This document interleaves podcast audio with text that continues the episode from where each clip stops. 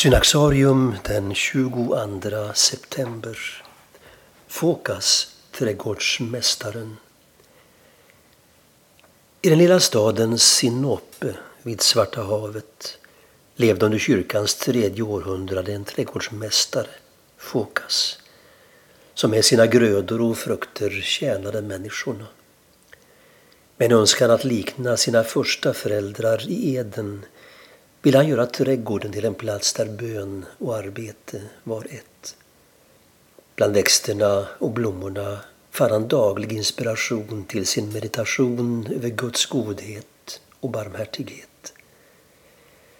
Av frukterna från sin trädgård delade Fokas ut till förbipasserande, särskilt till de fattiga. Han vittnade för alla om sin tro på Kristus för att få dem att omvända sig. Fokas hem var öppet för alla, vänner som främlingar och han tog emot varje gäst som Kristus själv. Till sist fick han även ta emot den största gåvan, att ge sitt liv för Kristus.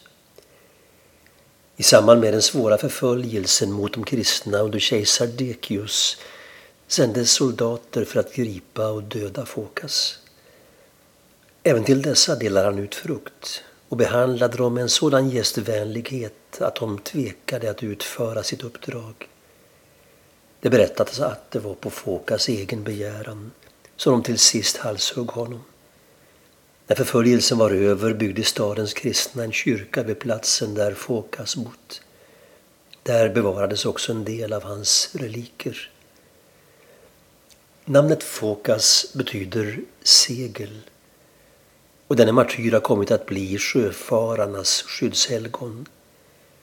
En tradition utvecklades att vid varje måltid till sjöss sätta fram ett mål mat till Fokas.